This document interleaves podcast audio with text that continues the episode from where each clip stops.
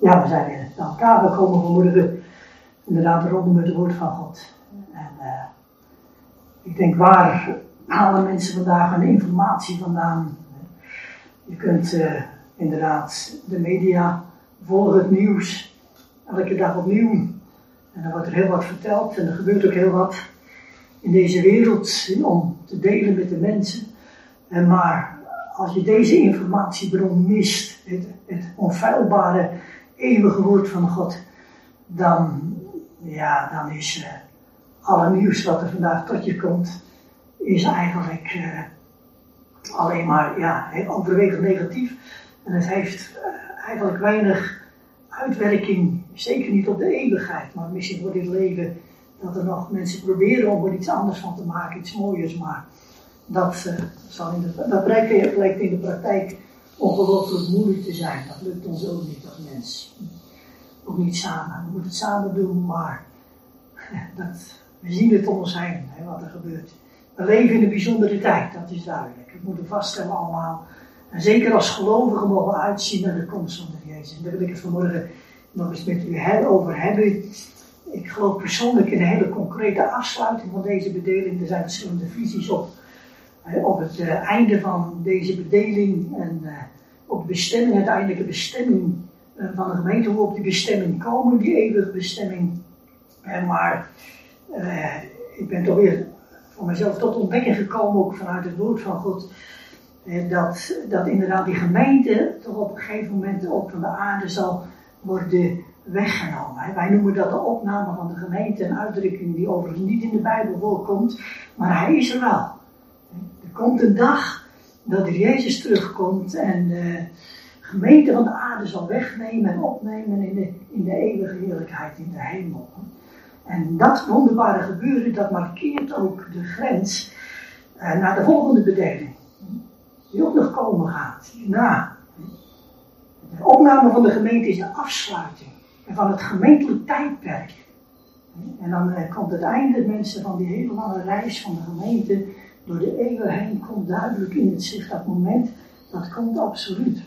En als die gemeente van de aarde is weggenomen en opgenomen in de hemel, dan zal God inderdaad de draad met Israël weer oppakken. Dan komt Israël centraal te staan in dat grote machtige plan wat hij heeft. En dat is ook de dag des Heren, heeft daar alles mee te maken. Ik wil gewoon een paar gedeeltes bekenden met jullie lezen. Eerst uit Johannes hoofdstuk 17.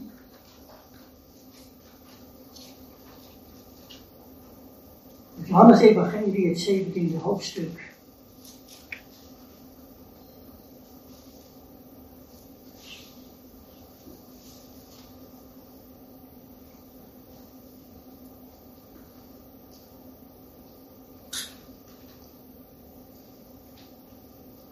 Uit het bewogen gebed van de Jezus. Johannes 17, vers 24. Dan lezen we het volgende. Dus Jezus bidt, Vader, hetgeen gij mij gegeven hebt, ik wil dat waar ik ben ook zij bij mij zijn, om mijn heerlijkheid te aanschouwen die gij mij gegeven hebt. Want gij hebt mij lief gehad voor de grondleggende wereld. Rechtvaardige Vader, de wereld kent u niet, maar ik ken u. En deze weten dat gij mij gezonden hebt. En ik heb hem uw naam bekend gemaakt en ik zal hem bekend maken. Opdat de liefde waarmee gij mij lief gehad hebt in en zij en ik in hem. Dan gaan we naar Johannes hoofdstuk 14. We bladeren even terug naar het 14e hoofdstuk. Mooie bekende woorden die de Jezus uitsprak vlak voor zijn lijden en sterven aan het kruis. Johannes hoofdstuk 14.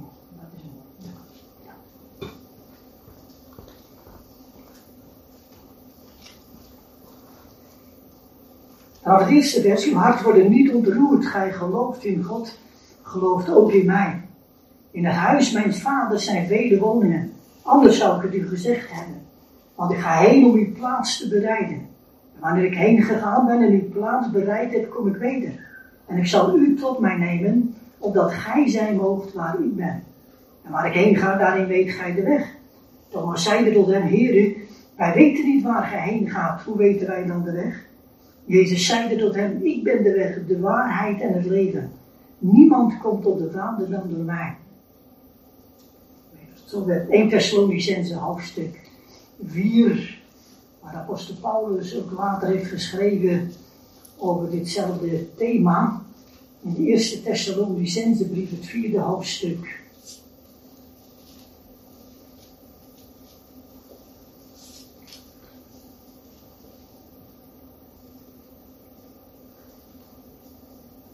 Vers 13 tot en met 18. Van 1 Thessalonicense 4. Van het 13e vers. Doch wij willen u niet onkundig laten, broeders, wat betreft hen die ontslapen. Opdat gij niet bedroefd zijt zoals de andere mensen die geen hoop hebben. Want indien wij geloven dat Jezus gestorven en opgestaan is, zal God ook zo hen die ontslapen zijn, door Jezus wederbrengen met hem. Want dit zeggen wij met de woorden des Heren. Mijn levenden die achterblijven tot de komst des Heren, zullen in geen geval de ontslapende voorgaan. Want de Heer zelf zal op een teken, bij het roepen van een aartsengel, en bij het geklank ener bezuin Gods, nederdalen van de hemel. En zij die in Christus gestorven zijn, zullen het eerst opstaan. En daarna zullen wij levenden die achterbleven samen met hem op de wolken in een oogwenk weggevoerd worden. De Heere tegemoet in de lucht. En zo zullen wij altijd met de Heer wezen. Vertroost elkander dus met deze woorden. De laatste avond van het leven van de Jezus hier op aarde heeft hij zich met zijn discipelen afgezonderd ergens in een bovenzaal in Jeruzalem. Waar hij heel rustig en ook heel uitgebreid afscheid heeft genomen van zijn discipelen. Hij had aangekondigd, al eerder, in de eerste plaats de, de leiders van Israël, de geestelijke leiders van Israël, dat hij nog maar een korte tijd bij hen zou zijn. Hij zegt, ik, daarna ga ik terug, zegt hij, ik ga terug naar degene die mij gezonden heeft. En gij zult mij zoeken. Johannes 7 kun je lezen, Johannes 8 herhaalt de Jezus dan op, dat hij heen zal gaan en dat ze hem zullen zoeken, maar ze zullen sterven in de zon.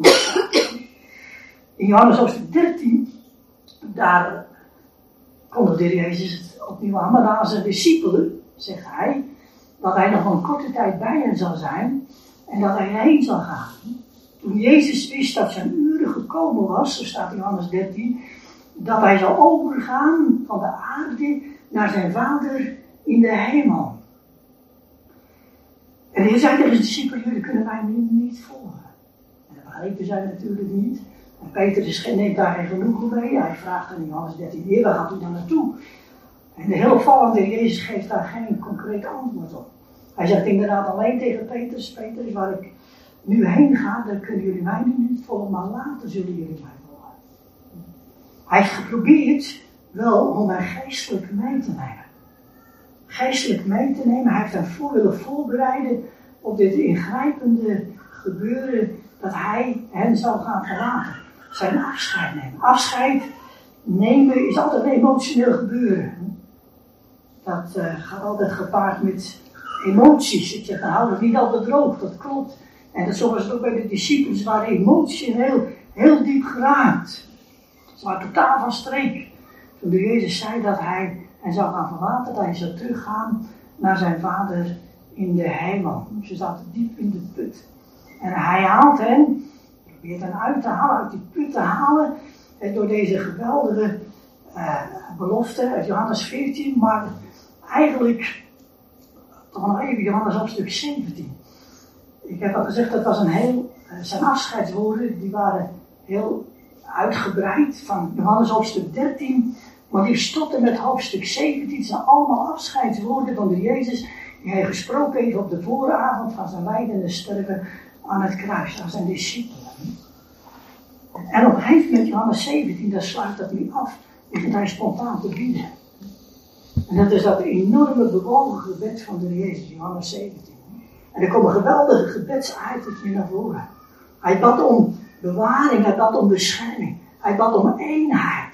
Maar heel wonderlijk, hij heeft daar en toen ook al bedacht aan u en mijn toekomst. Toen hij, hij vroeg aan zijn vader, vader, degene die gij mij gegeven hebt, ik wil dat waar ik ben, zij straks bij mij zullen komen om mijn heerlijkheid te aanschouwen. In eerste instantie bad hij dat voor zijn twaalf discipelen. maar dat beperkte zich niet alleen maar tot die twaalf discipelen. Hij zegt in dat is Johannes 17. Eerder zegt hij, vader, ik bid niet alleen voor deze, maar ook voor allen die door hun woord tot geloof zullen komen. Maar wij zijn ook uiteindelijk de vrucht van dat woord, van het evangelie. En dus wat hij, van alle gelovigen, voor de hele totale gemeente. Vader, ik wil dat wat ik ben, zij straks bij mij zullen komen in mijn heerlijkheid. Hoewel het wel over ons gaat, zei hij dat niet expliciet tegen ons, ook niet tegen zijn discipelen. Maar hij sprak tegen zijn vader. En dat is maar goed ook, denk ik. Stel dat hij tegen ons ook zou zeggen: Ik wil dat jullie naar de hemel zullen gaan. Als een soort opdracht. Dan zou dat betekenen dat wij daar zelf verantwoordelijk voor zouden zijn. Maar dat zou ook tevens betekenen dat er niemand, maar ook echt niemand van ons ooit daar in de heerlijkheid van de hemel zal komen. Ik kan mezelf niet naar de hemel brengen, laat staan dat ik u daar en jou daar zal brengen. Dat kunnen wij niet. Hè? En daarom zei de Jezus niet tegen zijn discipelen, maar tegen zijn vader. En dan moet hij eens opletten, de manier waarop de Jezus dat heeft gebracht aan zijn vader. Als een, een vraag. Vader, ik zou heel graag willen hè, dat uh, mijn volgelingen, alle die in mij geloven, straks ook bij mij zullen komen in mijn heerlijkheid in de hemel. Of heeft hij dat misschien gesmeekt? Vader, alstublieft, wilt u hm, ervoor zorgen dat ook zij die mij geloven straks bij mij zullen komen in de hemel? Nee. De Jezus zei ronduit zonder meer, Vader, ik wil. Dat zij straks bij mij zullen komen. Al degenen die gij mij gegeven bij mij zullen komen in mijn heerlijkheid. Een van die geweldige wilse openbaring van de Jezus Christus. Wie maakt hij zijn heilige wil aan de Vader verkend in betrekking tot u en mijn toekomst? En hij claimde als het ware u en mijn toekomst bij de Vader. Vader, ik wil. Als kinderen zo tegen hun ouders spreken. Ik wil dit of ik wil dat. En dan uh, zeggen nou, ze worden niet. Hè? Dat is wel heel uh, vrijpostig. Brutaal. Je hebt niks te, je hebt niks te willen. Weet je, er was er maar één die dat kon zeggen tegen zijn vader. Vader, ik wil. Dat was Jezus. Omdat hij inderdaad altijd deed wat zijn vader van hem wilde. Dat hij altijd gehoorzaam was aan de wil van zijn vader. Dat hij alles eenswillend was met zijn vader. Hij die gezegd heeft, zie, oh God, ik kom om uw wil te doen, kon ook zeggen, vader, ik wil. Dat zij straks bij mij zullen komen. En daarom, wat gaat gebeuren? Als de wil van de Jezus, was het de wil van de Vader, dat er daar straks zullen zijn. Hij heeft er niet alleen om gebeden, maar hij heeft het inderdaad ook beloofd. In Johannes hoofdstuk 14, uw hart wordt niet ontroerd. Hij gelooft in God, gelooft ook in mij. In het huis van mijn vader zijn vele woningen. Ik ga hier om uw plaats te bereiden. En wanneer ik uw plaats bereid heb, kom ik weder. En ik zal u tot mij nemen, opdat gij zijn waar ik ben. Menselijk mooi, dat hij onze toekomstige woonplaats het huis van de Vader noemt. Niet het huis van God, het huis van de Almachtige. Ook niet het huis van Yahweh. Tegenover God zouden we ons misschien straks ontzettend klein kunnen voelen. En tegenover de Almachtige zouden we ons machteloos voelen. En tegenover Yahweh zouden we ons buitengesloten voelen. Want dat is de eeuwige verbondsnaam waarmee God zich aan Israël verbonden heeft. En maar wij gaan naar het huis van onze vader. En waar we ons straks volkomen op ons gemak zullen voelen. We komen welkom thuis bij je vader. Volmaakt gelukkig. Zo zal dat inderdaad straks zijn. Is machtig wat de Jezus daar zegt.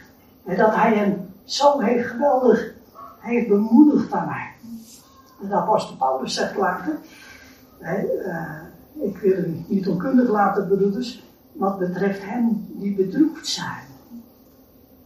Wanneer Jezus zei, uw hart wordt niet ontroerd. En dat geeft eigenlijk zo mooi weer het karakter van deze geweldige, heerlijke belofte. Dat hij eenmaal zal komen of zal brengen in het huis van de Vader. Het is een uh, speciale boodschap, in de eerste plaats een speciale boodschap voor de bedroefden. Voor de rouwdragenden. En er zijn er velen in deze dagen, toch? Ook die aan corona overleden zijn ook heel veel gelovige kinderen van God. En soms onder eigenlijk verschrikkelijke omstandigheden overleden zijn. Maar uw hart wordt niet ontroerd, Paulus zegt, opdat gij niet bedroefd zijt. Zoals andere mensen die geen hoop hebben. Dat het karakter van die boodschap is een, is een zo'n troostrijke, hoopvolle boodschap.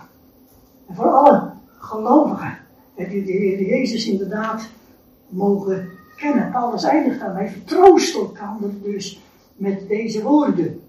ik heb heel bewust, ik lees de NBW-vertaling hiervoor, maar daar staat vermaand, daar ben ik eh, niet zo gelukkig mee.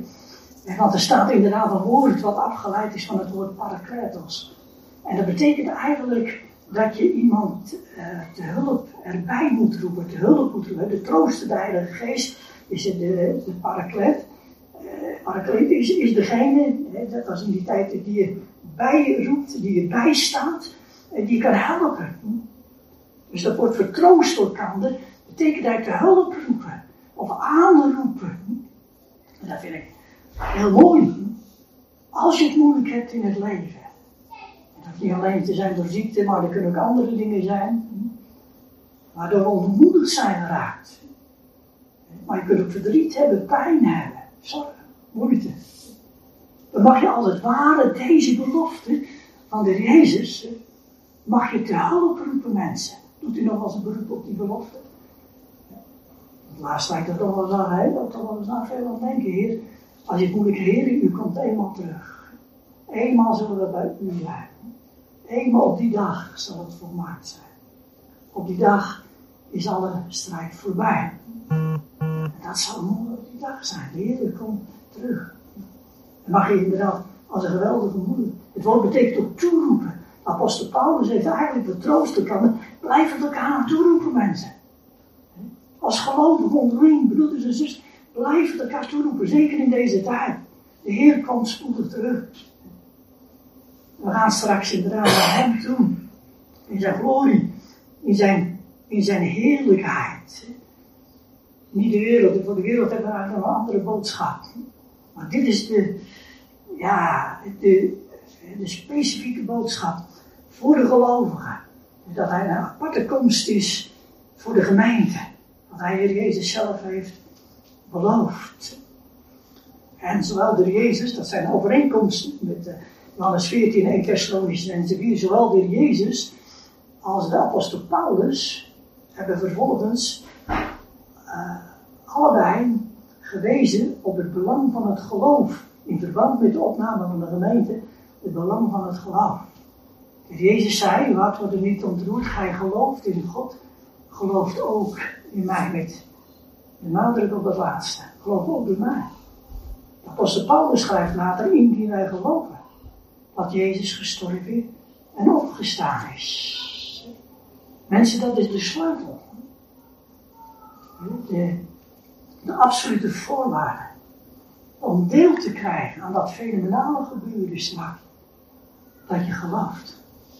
Dat je werkelijk gelooft. Ja, mensen ja, wat moet ik geloven? In wie moet ik geloven? Waarin moet ik allemaal geloven? Hij gelooft in God, ja, dat mag tegenwoordig wel. Hè? De, de, de, discipelen, de Joden geloofden ook in God. Maar geloof ook in mij. Jullie geloven in God, zegt hij tegen die die nog nooit gezien hebt. Hij is de onzienlijke. Ik ga jullie verlaten. Maar blijf voortaan ook zo in mij geloven. Jullie zullen me maar zien. maar blijf in mij geloven. Als de enige Zoon van God. Jezus Christus.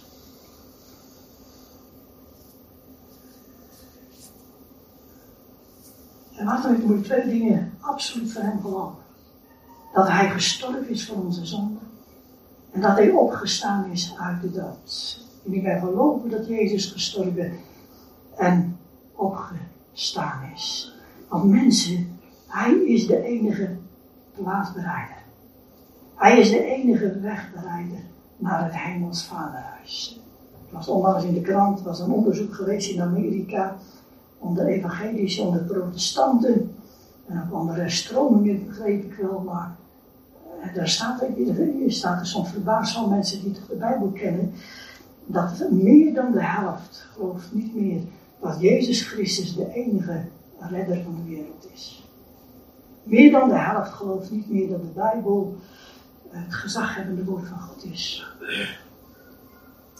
Meer dan de helft gelooft dat er geen vaste norm meer is voor goed en kwaad. Maar overal waar jij je goed bij voelt, dat zal goed zijn. Maar zo'n tijd zijn we terechtgekomen. En maar in, die wij geloven in Jezus Christus is de enige plaats. Maar ik ga heen, zegt hij, om uw plaats te bereiden. En waar ging hij vervolgens heen? Dat staat in Matthäus hoofdstuk 26, eh, dat hij ging met zijn discipelen naar een plaats genaamd Gethsemane. Waar ging hij? Mensen, dat was de plaats van de enorme zware verzoeking. Dat was de plaats van de enorme strijd dat was de plaats van de doodsangst die Jezus heeft beworsteld voor u en voor. De angst voor het afschuwelijke oordeel over de zonde. Maar het was ook de plaats waar de discipelen sliepen. En niet in staat waren om een uurtje wakker te blijven met de Jezus en met hem te bidden. Dus uiteindelijk was het eigenlijk ook onze plaats. Die hij daar ook voor ons heeft ingenomen. Daar in Gethsemane wat hij doorworsteld heeft. Een enorme strijd. Opdat, opdat, als je dat in hem gaat geloven, mensen, dan hoef je geen plaats meer te geven voor de angst voor het oordeel. Dan mag je weten, geen angst meer voor de dood. Want hij heeft overwonnen. Waar ging hij daarna naartoe? Staat in Marcus hoofdstuk 15. En ze brachten hem naar de plaats Golgotha, hetgeen betekent schedelplaats. Ze brachten hem naar de plaats Golgotha, hetgeen betekent schedelplaats. Mensen, dat is bij uitstek, Golgotha, bij uitstek de plaats van het oordeel. De plaats van de zondaar. Waar de Jezus Christus zich helemaal heeft vereenzelvigd met u en mij, met die zondaar. En ze geeft als het ware laten maken, misschien wel op de grootste zondaar. Hij die geen zonde gekend heeft, werd daar voor ons inderdaad tot zonde gemaakt. Door het kruis van Golgotha. Waar hij de straf heeft gedragen. Het oordeel ging over hem heen. Waarom? Omdat God ons niet op die plaats wil hebben. Dat is eigenlijk de plaats die wij verdiend hadden. Dat oordeel, maar God wil ons daar niet hebben op die plaats. En daarvoor ging de Jezus daar naartoe. En hij heeft haar de zondelast op zich genomen. De zonde gedragen. Uit.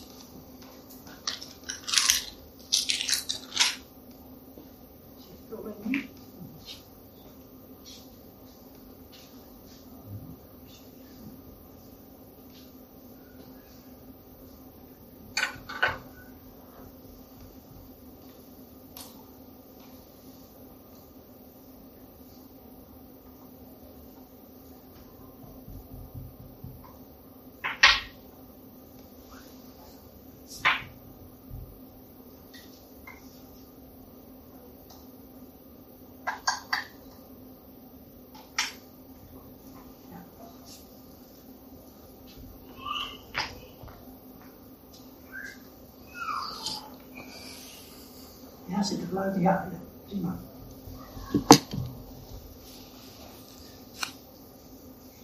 Golgotha, het kruis. Het is een oude Joodse legende. En die veronderstelt, schedelplaats, dat de schedel van Adam begraven ligt op Golgotha. Het is een verzonnen verhaal. Er is geen enkele wetenschappelijk bewijs aan, maar het is een verzonnen verhaal. Maar toen ik dat las en over na dacht ik, het is wel een hele mooie gedachte zeg. Dat de schedel van Adam is doorpriemd met het kruis van de Jezus. Dat de schedel van het oude hoofd van de scheppende mensheid is vermorzeld door het kruis van de Jezus. Waardoor wij kunnen komen onder het nieuwe hoofd. De tweede, de laatste adem, de Jezus Christus. Met wie we eeuwig verbonden mogen zijn. Een enorme, intieme relatie. Machtig wat de Jezus voor u en van mij gedaan heeft, mensen. Dat we zo één met hem geworden zijn in zijn dood, maar ook in zijn opstanding. Want waar ging hij verder nog weer naartoe? Naar de begraafplaats. Waarvan de engelen kunnen zeggen op die paasmorgen tegen de vrouwen: van hij is er niet. Hij is opgestaan. Zie de plaats waar hij gelegen heeft. Het graf is leeg. Omdat God u en mij niet wil hebben in de macht van de dood. Omdat we niet langer meer hoeven te leven onder de heerschappij van de koning de dood. Het koninkrijk van de dood. Daar heeft de Heer ons uit verlost.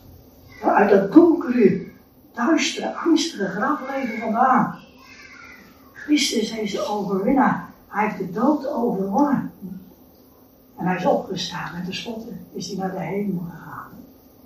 Waarvan de apostel Paulus later zo prachtig heeft geschreven. Hij zit aan de rechterhand van de hoogste majesteit.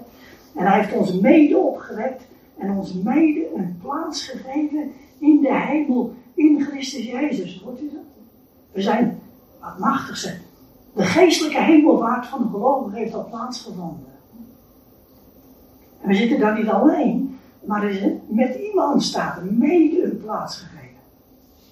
Met iemand.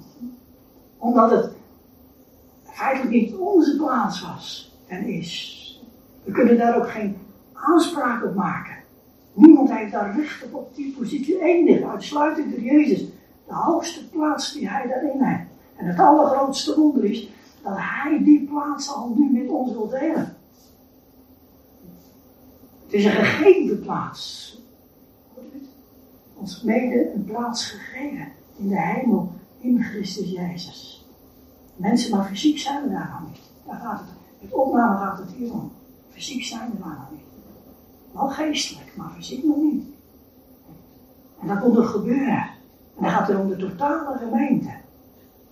En die Thessalonicenzen, die leefden zo in de verwachting van de komst van de Jezus. Ze verwachten hem zo vurig en zo enthousiast dat er zelfs over gesproken werd in grote delen van Griekenland, in Macedonië. Aha, je kunt dit eerste hoofdstuk lezen. Geweldige getuigenis daar staat. Geweldig hoe zij zich bekeerd hadden van de afgoden tot God. En hoe zij de levende God dienden en uit de hemel zijn zoon verwachten. Jezus die hen zou verlossen van de toekomende toren. Zij geloofden zelfs dat de Heer hen zou wegnemen voordat de toren van God losbarst over de aarde. Dat geloof ik persoonlijk ook. Dat de Heer ons zal wegnemen voordat die tijd van de grote verdrukking aanbreekt. We zijn niet gesteld tot toren, maar tot het verkrijgen van eeuwige zaligheid. En zij, ze waren zo overtuigd dat de Heer die kwam bij hun leven terug. En waar ze helemaal geen rekening mee hadden gehouden dat er nog een mogelijkheid was van sterven. En wat ze niet hadden gedacht en verwacht dat gebeurde, daar stierven broeders en zusters in die gemeente. En dat was een grote teleurstelling. Dat is altijd zo. Hè? Als je iets zo van overtuigd bent dat iets niet gaat gebeuren. Als je bijvoorbeeld vast gelooft dat je nooit ziek zult worden, je wordt ziek, ja, dan, dan is dat een enorme grote teleurstelling. En zo was het bij die gelovigen ook. Niet dat zij niet geloofden dat die broeders bij de Heer waren. Dat was bekend ook in die tijd, hè, Paulus schrijft in 2 Korinthe 5, daarom verlangen wij des te meer het, eh, het verblijf in dit lichaam te verlaten en bij de Heer onze intrek te nemen. Dat gebeurt bij het sterven van gelovige. Dan gaat verlaat je het lichaam en dan uh, neemt ons intrek bij de Heer. Dan is onze ziel bij de Heer. En daar is bewust leven. Daar is bewust leven bij de Heer. Die gelovigen die zijn, die zijn daar. In een volmaakte, absoluut volmaakte toestand. We komen niet straks ergens in het luchtledige, in een niemandland. Maar we komen, we gaan echt bewust naar de Heer toe. En daar zijn die gelovigen die daar nu al zijn, dat is het grootste deel al, en wat daar al is bij de Heer daarboven, die zijn daarin in een, in een volkomen vrij van alle zorgen, pijn en moeite, in een absoluut volmaakte toestand. In de hemel. Maar ze zijn niet compleet. Ze zijn niet compleet. Ze missen nog een verheerlijkt opstandend lichaam. En op mij ontbreekt het daar nog. De gemeente van de Jezus Christus is fysiek in tweeën gedeeld. Door de dag, door het overlijden. En al die gelovigen die ons voorgegaan zijn, die zijn nog in de hemel. En wij zijn hier nog op de aarde. En die moeten ook inderdaad nog weer samengevoegd worden. En die moeten straks ook fysiek lichamelijk nog weer worden. Want God wil een voltallige gemeente, een complete gemeente, tot Jezus staat straks in het vaderhuis. En weet je, die gelovigen toen, die wisten dat niet. Dat was, dat onkundig. Paulus zegt, ik wil je onkundig laten. Want wat gaat er nou gebeuren bij, als de Jezus wederkomt? Dat was een vraag. Niet of die gelovigen daar waren, maar zijn die daar ook bij, bij betrokken? Er zat een eenzijdige visie op. Zou zeggen, op dit fenomenale gebeuren dat de Heer straks wegneemt. Zij geloofden alleen maar in de wederkomst van de Jezus, in de opname voor de, de dan nog levende gelovigen op aarde, die dan nog op dat moment nog op aarde leven. Maar niet voor de broeders die reeds ontslapen zijn. En wij hebben ook eigenlijk, denk ik wel eens, ook zo'n ja, zo'n beperkt zicht daarop. En een eenzijdig, een eenzijdige voorstelling daarvan. Want hoe lang moet je nou de Heer verwachten dan? Nou, ja, tot 70 jaar dan is de kans wel misschien groot dat je, dat je dat niet meer meemaakt en dat je, dat je komt overlijden. Hè. En, uh, ik had voor, uh, voordat de coronamaatregelen van kracht werden, nog uh, twee rouwdiensten een broer en zus die vlak na elkaar overleden. Maar die mensen leven allebei zo in de verwachting van de komst van de Jezus. Die zuster die had heel veel meegemaakt. Kind verloren, man verloren. En ze zei wel eens, ik sta wel eens voor het raam, zegt ze, Heer Jezus, wanneer komt hij terug? Hij verlangde daar zo, die broer die leefde met het profetisch woord enorm, daar kon alles mee delen. Maar allebei zijn ze overleden. Ze zeggen, jammer toch, dat ze dan niet mee hebben gemaakt. Heb je nou te vergeefs gewacht? Nee. Nee. Als de Jezus zegt, vader ik wil dat waar ik ben, zij straks bij mij zullen zijn, dan is er geen tekst in de hele Bijbel waaruit zo het verlangen spreekt om ons daar ook te brengen. Maar ik ben er ook van overtuigd dat al die gelovigen die nu bij de Heer zijn in de hemel, ook naar dit moment uitzien. En wie zullen nog meer dit moment verwachten, zeg ik wel eens. Wij hier op aarde, of zij die in de hemel zijn. Ik denk dat zij die in de hemel zijn, daar nog veel meer naar uitzien. Wij worden daar te vaak van afgeleid van die verwachting, van die hoop. Dat leeft niet altijd zo. We zijn druk met hele andere zaken. Maar zij zien daar zeker naar uit. Dat we samen straks de Heer tegemoet mogen gaan in de lucht. Want zij zullen er ook bij zijn, zegt. En uh, de Jezus zei ook, uh, ik ga weer heen om uw plaats te bereiden, wanneer ik uw plaats bereid heb, dan kom ik weten en ik zal u tot mij nemen, opdat gij zijn mocht waar ik ben. Dan kom ik weten, zegt dit in En ik zal je opnemen in de hemel. Kom ik weten, is de belofte van zijn wederkomst, dat is de essentie van de hele Maranatha-boodschap. De wederkomst van de Jezus. Kom ik weten. En zullen jullie mij door de dood volgen mij. Ik kom, ik kom weten en ik zal jullie tot mij nemen. Dus indicatie van die opname zal ik je tot mij nemen. Dat is mooi, maar die discipelen zijn wel allemaal gestorven. Ze zeggen, nou jammer zeg, dat is wel mooi, maar beloofd, maar ze sterven. Nee, dat is nog steeds van kracht. Ook voor hem. En voor iedereen die gelooft ook. Dat staat hier in 1 Thessalonicense hoofdstuk 4 heel duidelijk. Ja, Paulus zegt heel duidelijk dat, dat dit zeggen wij met de woorden des Heren, wij levenden die achterbleven, wij zullen geen, in geen geval de ontslapende voorgaan. Maar de Heer zelf zal op een teken, bij het roepen van de aardsengel, bij het geklank in de Gods nederdalen van de hemel. Zij die in Christus ontslapen zijn, die zullen met de eerste opstaan. En daarna zullen wij leven. Samen met hem op de wolken. In een oogwenk weggevoerd worden de Heer tegemoet. Paulus zegt, mensen, wees maar niet bedroefd. Je mag bedroefd zijn, maar niet zoals de wereld. Want de Heer neemt ze mee terug. Die wij geloven dat Jezus gestorven is, zal God ook zo hen die ontslapen zijn. Door Jezus vrede brengen met hem. Die brengt ze met waar vandaan? Uit de hemel? Uit het graf? Allebei. Allebei, geloof ik, ja. Het is mensen, het is. Sommige. Het zijn alle gedachten natuurlijk. Het is een van beide, of we krijgen na het sterven direct een nieuw lichaam bij de Heer, waar ik zelf weinig grond voor vind in de schrift, in de Bijbel. Of de hele totale mens gaat het graf in. Dat is ook niet wat de Bijbel leert. Ik geloof ook niet dat de totale mens het graf in gaat. Ik geloof niet, ook niet in de zielenslaap. De totale nee. De ziel is bij de Heer. Het lichaam ligt nog in de aarde. En de ziel zal intrek moeten nemen in het nieuwe opstaande lichaam. Sommigen vinden dat er allemaal te gekunsteld en te ingewikkeld.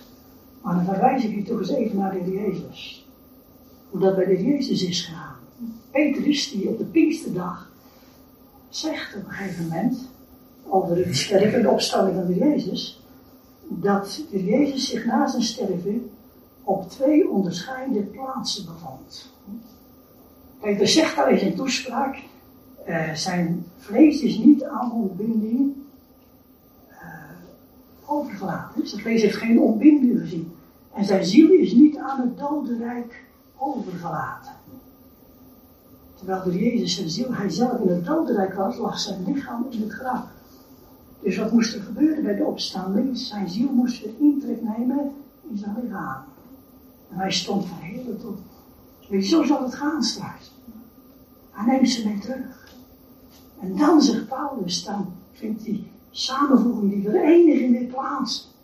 Tussen de ontslapen gelovigen zijn die, ja, ik hoop dat ik mag blijven leven tot het, kan het natuurlijk allemaal. Maar als dat niet zo is, we zullen erbij zijn, zegt hij. want de Jezus heeft gezegd, en dan zal ik u tot mij nemen, dat gij zijn nog waar ik ben. Zegt, zullen we samen de Heer tegemoet gaan in de lucht.